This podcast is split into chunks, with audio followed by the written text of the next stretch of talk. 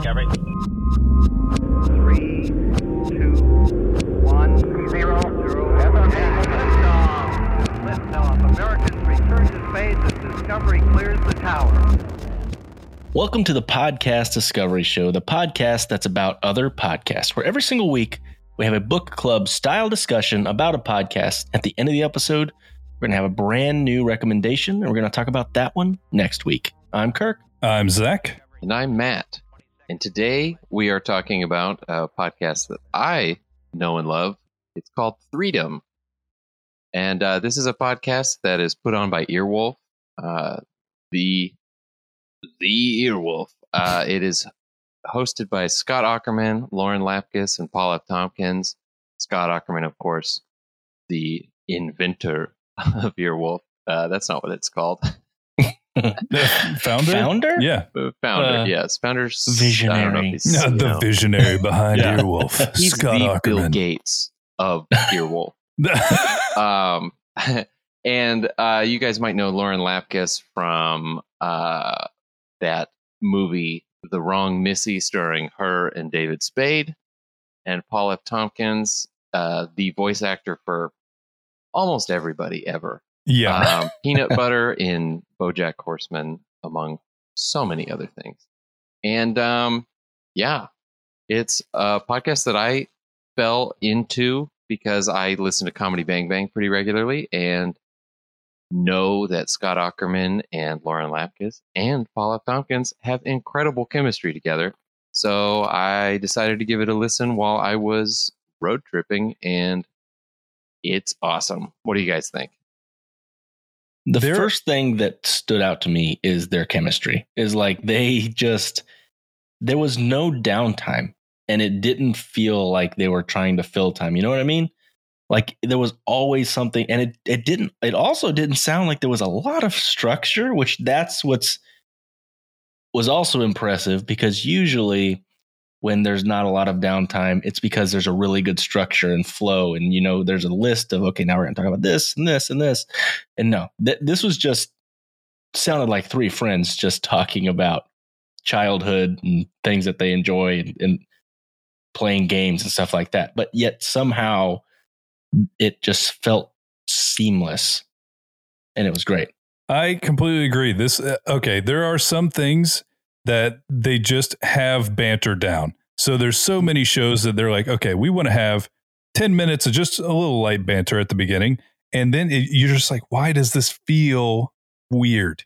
It, It just feels, feels- forced sometimes. And, And- this this did not. It is the opposite of that. This is three people that are great at talking to each other. I know that Mhm. seems like a weird skill set, but you can hear it when it happens. Um, and it just for people who like listening to talk radio or things like that, where you just have these conversations that you get to listen in on. This is an absolutely fantastic version of that type of conversation because they're all hilarious. Throughout the episode, they were talking about things that make you think about your childhood. Well, on this one specifically, that's when they were talking about this stuff, it definitely took me back there. And also, do you guys remember that show? I think it was on VH1 where it'd be like they would like look back on like a year. I Yeah, cannot yeah. remember what that was called. Was Oh, Paul F. Tompkins on that? He was. He was I- in. Um, yeah, he said he. What was What that was that? show called? That's gonna drive me nuts. I love the. I love. yeah, the like I love the '90s or Yeah. whatever.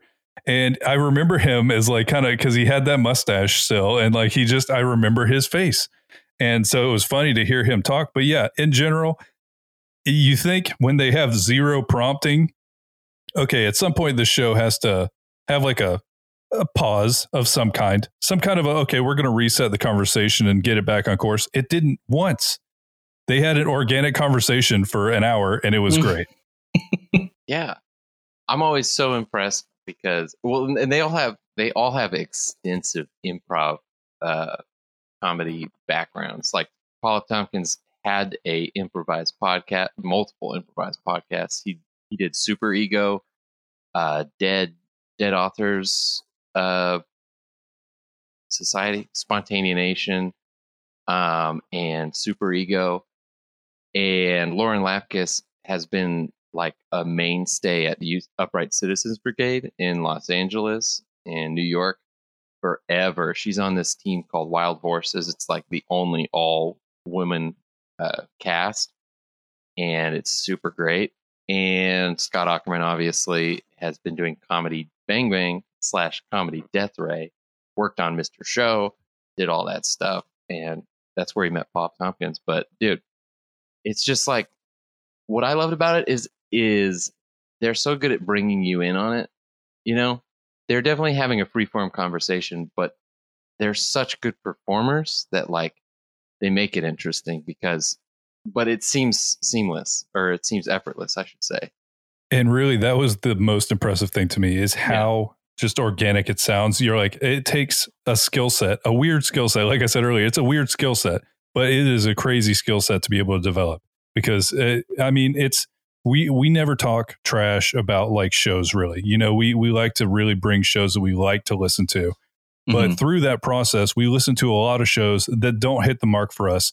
And Kirk and I have had a lot of conversations where it's essentially, okay, there was just, it felt weird. As they were talking, these conversations felt weird and forced. And it's like they're trying to make jokes and they're not really landing and everybody's just kind of sitting there. That is kind of the polar opposite of this. And you hear them talking, and it really does feel like you're just kind of like sitting around somewhere talking with your friends. And I don't, I don't know these people. These are all famous people. I think there's they talk the- about the such trick- relatable things. the trick is when you've got this and you've got a chemistry, it feels like you're part of the conversation. Mm-hmm. And when there's not that chemistry or it feels forced or it's, it's there's not this seamlessness to it, it feels like you're like listening into a conversation that you're not a part of. You know what Yeah. I mean? Like Yeah, and I it can see that. you feel weird. Like you're like, I shouldn't be listening to this. you know, they're not talking to me. I don't I, I, I, this isn't for me.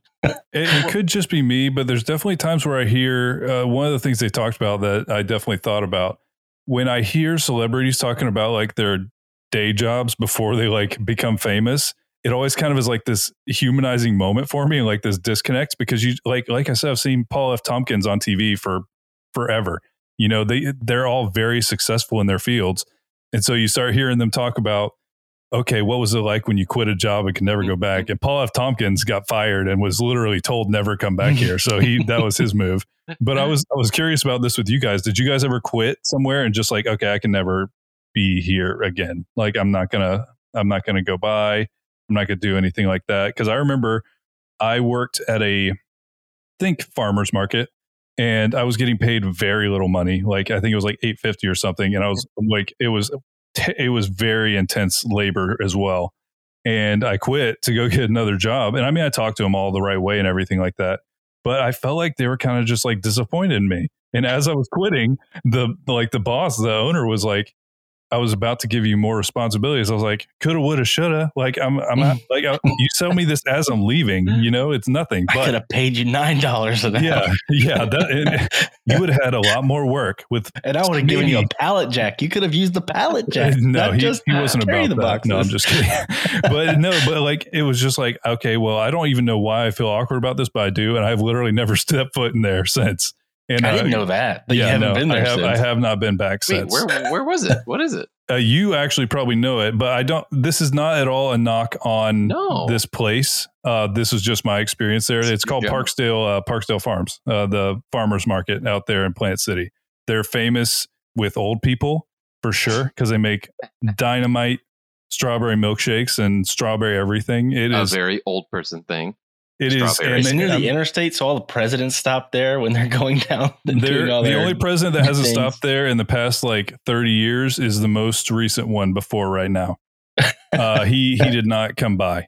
Oh, I think Obama. that everyone would have wanted No. to give him kisses there. So Yeah, no, that's why he that was it. Would have based on the people I was working with, it would have Maybe been not an the people working trip there. for him. Maybe not the people working there. But yes, the people visiting there would have loved it. Yes, that I could see that being true. But yeah, no, I never went Uh, back. Uh, I had one. I had one when I lived in Burbank, California. This is more just super awkward. I tutored a kid in, uh, I don't know, 10th grade geometry or something. And it was fine. It, but like, I, I, I'm pretty good at math. Like, I, calculus honors is where I, I cap, I capped my knowledge. But uh, I tutored him and it was going fine. And the dad's just like, he's, you know, he doesn't have a lot of friends. I just want I want you to like tutor him and like also just kind of like hang out with him. I was like, okay. And there came this point where like it took me too long to do the problems and like I couldn't figure them out anymore. and I was like, dude, I would bring home the work and like do it at home. I You had had, I own gave myself homework. Yeah. and th- at that moment I was like, I gotta tell his dad that I am not helping him anymore. Like I just I'm like I'm more than happy to, but I am not helping him. There's no help to be had, and I had to confront him and be like, "Hey, I I don't know this stuff. Did This did is you all tell him so that you can at least continue paying you to be his friend? there is options for you. yeah and i made sure i made sure the kid knew that i asked that. So you'll pay me to be his friend and only no. No but it was so awkward because he was like oh bummer. But uh yeah i guess. Here's your check for this one. I'm like man what a great gig obviously this was at a house so i never yeah, I was going to say it's pretty it would easy to maybe avoid be it. more weird if you would have returned. Yeah, just like, hey man, just coming to hang out off the clock. hey, here you are in La Tuna Canyon, uh, way out of the way of everything. Hello, how's your son doing? Yeah, that that would have been the worst move in that case. hey, you want to hang out? I You ain't gonna pay me this time. I felt so ashamed after that. But yeah, no, it was you? just really funny to me how they kind Are of You're not going to let me things. answer uh, mine? yeah, I'm I didn't know if you had so one. rude. What was, what God, your Zach, I'm sad now. Oh, he doesn't have one, does he? there it is. yeah, you found the soundboard. I always knew it was here. oh man. No, I I uh I put my 2 weeks in when I was working at Lowe's. It was my second job. I had just had my first kid. It was my second job and I was still farming at the time. And they changed our hours. So I'd already put my 2 weeks in. And I was working in the afternoon after working at the farm. And I would unload the trucks at night. So my shift usually didn't start till like eight or nine. Oh. And then they're like, oh, well, we, we need you guys to stock before you unload the truck. So they moved our shift to like three till like 10, you know, or like 11. And so I remember this was the problem is I knew the manager's phone number. And I guess there were, it was like during uh, a visit from corporate. So like I didn't. Now looking back, I was like, God, I'm an idiot. Um, I was supposed to go in, and I had I was still on the tractor at work. I'm like, I can't keep doing this. I already put my two weeks in. I can't work two weeks. You know, going in at two or three o'clock when I've still got stuff to do at the farm. So I call him. I'm like, Hey, how's the tour going at the corporate? He's like, Yeah, it's going fine. Uh, can I help you? This is like the boss of the Lowe's here. And I'm like, yeah, I'm not going to work there anymore because you guys changed. I was like, don't ever, I'm, you're never going to work for another Lowe's in your life. I'm like, okay, I w- I wasn't planning on So it. it's a weird flex. Yeah. Oh, he was so mad. And I didn't go for a little bit, but it's low. So I still ended up going Is- later. is he He's still not even the manager Oh, anymore. okay. Did he get demoted? I don't know. Yeah, he had to take your job. He had to That's how that the works. like, well, you lost that guy. So guess who's taking that position? No, and that's what I love about their things is there's something in improv called no gap dialogue, and they're so good at it because they know when something is interesting and when something's floundering. And you'll notice it how they just ask these questions of each other. Have you ever done this? What was a place that you've never gone back to that wasn't a job? And it was like these next steps that they just kind of put in the back of their mind so that whenever there's a lull, they go boom and ask that crazy awesome question that just because they're gr- great performers, they're like, they're going to find gold somewhere, just like we just did. we're we're very generous with ourselves. yes. Yes. uh, I platinum. We, we didn't even mine for gold. We, we mined for Bitcoin. but I don't know. It's just all all of it was uh, it t- it took me back because they started talking about like the the scary house in their neighborhood, and they Yes. talked about like exploring around as kids, and that I mean we we weren't super allowed to explore, and I think that kind of ended because I I really think that there was one moment where we were not allowed to explore for a really long time. We went in our front yard, and I had two brothers, and we were all out there. We had to be like four, five, six, very young and we had played that game Paperboy on SNES. You know, I'm talking about where you throw Yeah. the you throw the newspapers in the mailboxes as you're driving down the street. And so we replicated that in real life.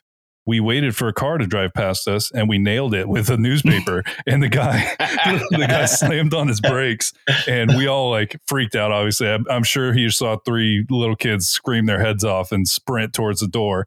And then my, like my mom was very upset and like she wouldn't even let us in the front yard for several years after that. She's like you have lost being around people privileges. Go in the back. Oh man, yeah. My I I feel like my childhood was never like that. Where I never lived in a subdivision either. Like I lived in, out in the country where there wasn't like a neighborhood for me to explore. It was I have the woods and a lake, and you know I might get bit by a rattlesnake, but I'm not going to be able to do anything fun and like that. Um, so yeah, my childhood was a little different. None of that happened until we were like in middle school and high school, and then it got stupid, you know, on a different level. Yeah, we what- probably shouldn't have been. no allowed and really the in problem is he was introduced to us and we lived in a mm-hmm. neighborhood and so then he then he got into the same shenanigans we did like the opposite of the being ashamed of leaving a job that your mom had to go through. yeah pretty It's like, much God, I don't want them out in the front yard. I am so embarrassed to be here. Yeah Where I think your live. mom still was like that, but we were big enough that she couldn't lock us in the backyard anymore. Yeah, pretty much. She if she would if she was able to, she probably would have. She probably would have known it for it was for our like best interest. But How how much did everybody on your street where you live just kind of hate us, or at It- least think we were it idiots? varies. I don't think that we bothered people that bad on your street, but they would see us do really stupid stuff. yeah, we were idiots, but we we We didn't were we didn't affect their property. You see what I mean? So yes, we were idiots around. They could So, look like out we the would go down window. your cul-de-sac being in a shopping cart being pulled behind someone's truck, or we would climb telephone poles with no, you know, the bike the bike jousting was intense, and that's where people really got messed up. So bike jousting, you grab a trash can lid, you grab a broom, and you ride your bike, and you you joust. But I mean, the the plus side of bike jousting is if you the perfect shot on bike jousting is through the spokes because somebody's about to lose it, somebody's about to really eat it. And so there was uh, there was at least one mailbox destroyed by that, and there was at least one person destroyed by a mailbox. So one mailbox was just a mailbox on a stick. The other one was like one of those like paved mailboxes that had like the Oh, the stucco all around it, and that that caused damage to the to the rider.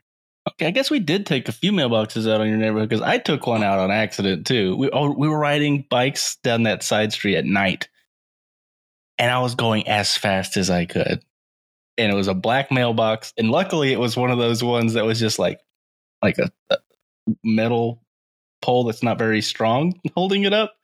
And I hit that thing so hard, the bike disappeared out from under me, and I'm just flying through the air. And I remember the next morning, I had to go over there and be like, "Here is your dead mailbox. I'm mm. sorry. I will pay for it." have And you that that was my the bike? Was that my next door neighbors? Yes. Yeah, they they actually liked our shenanigans. So it, it, there I was, was some. going to say, I imagine you guys are like prepping shenanigans, and people are like whipping out their lawn chairs, and they're like, "Oh, we got a show." Honestly, it was extremely stupid. Oh, it, one- it, it had to have been entertaining. I mean, I don't know. There'd be like hurricanes coming through, and we're standing on your wall, like in our sh- very short underwear, and I'd be in my freaking speedo and like yelling at the the wind, like Florida man. and I uh, think before Skiles Florida might Man have was a lived behind me at the time too. So then there was added our uh, choir teacher from from growing up in high school was living adjacent to me basically, and so we could stand on top of my fence and yell at him directly.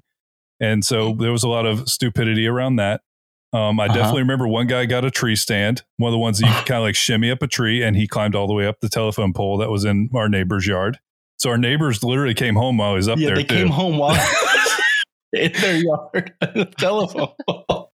No, but we all ran away, and he just watched. He- like, he just like waved at him, and the guy's like, up, like, "What the hell is this kid doing?" yeah, the guy just looked up. He's like, okay, I'm just going to go inside. They're not really doing anything. But yeah, the next door neighbors were fine. The closest ones, they actually, uh, as I got like older, we started bringing collecting musical instruments in the garage, and we ended up having a a really bad garage band.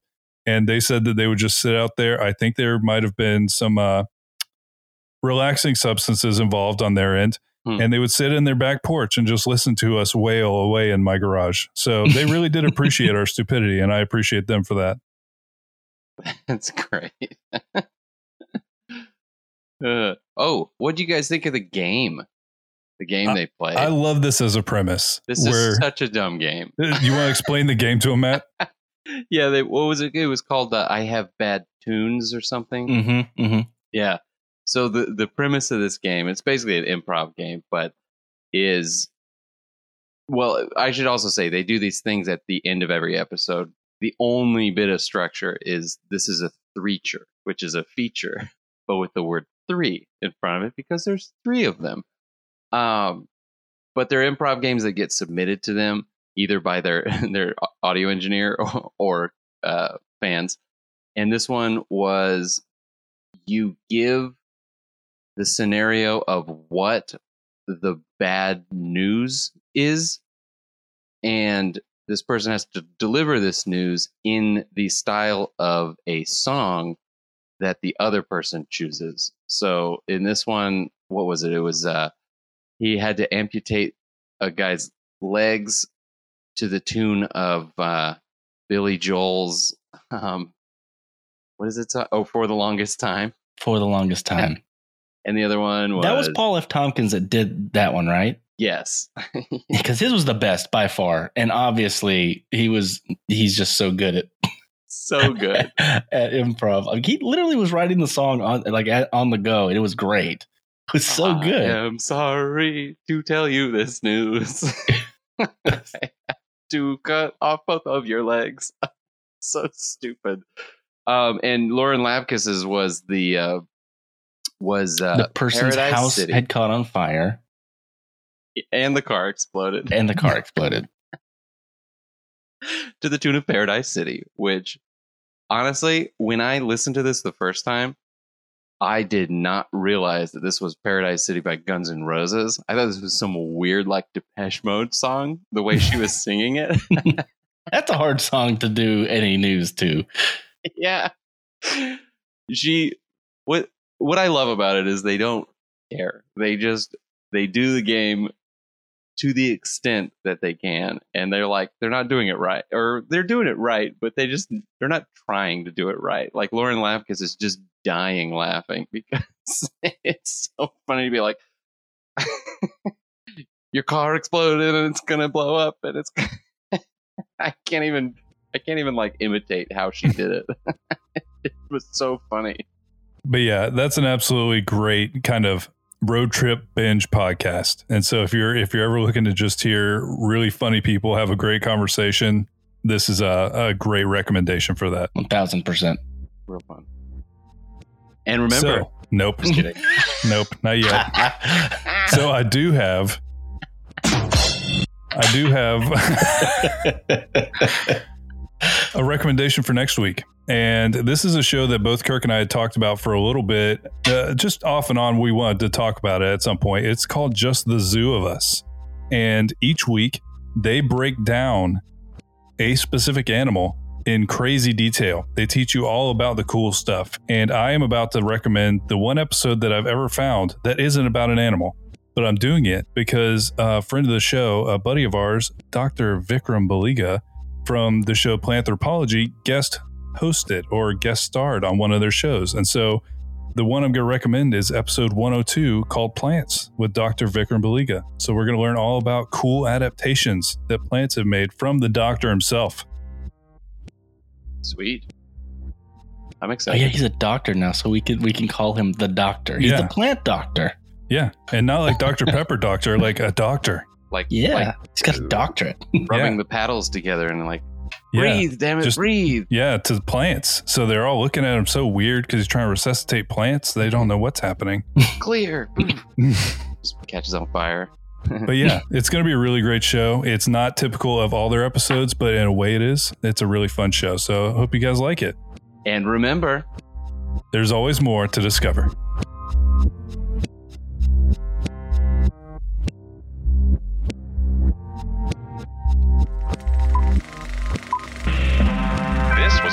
Podcast from the Podfix Network.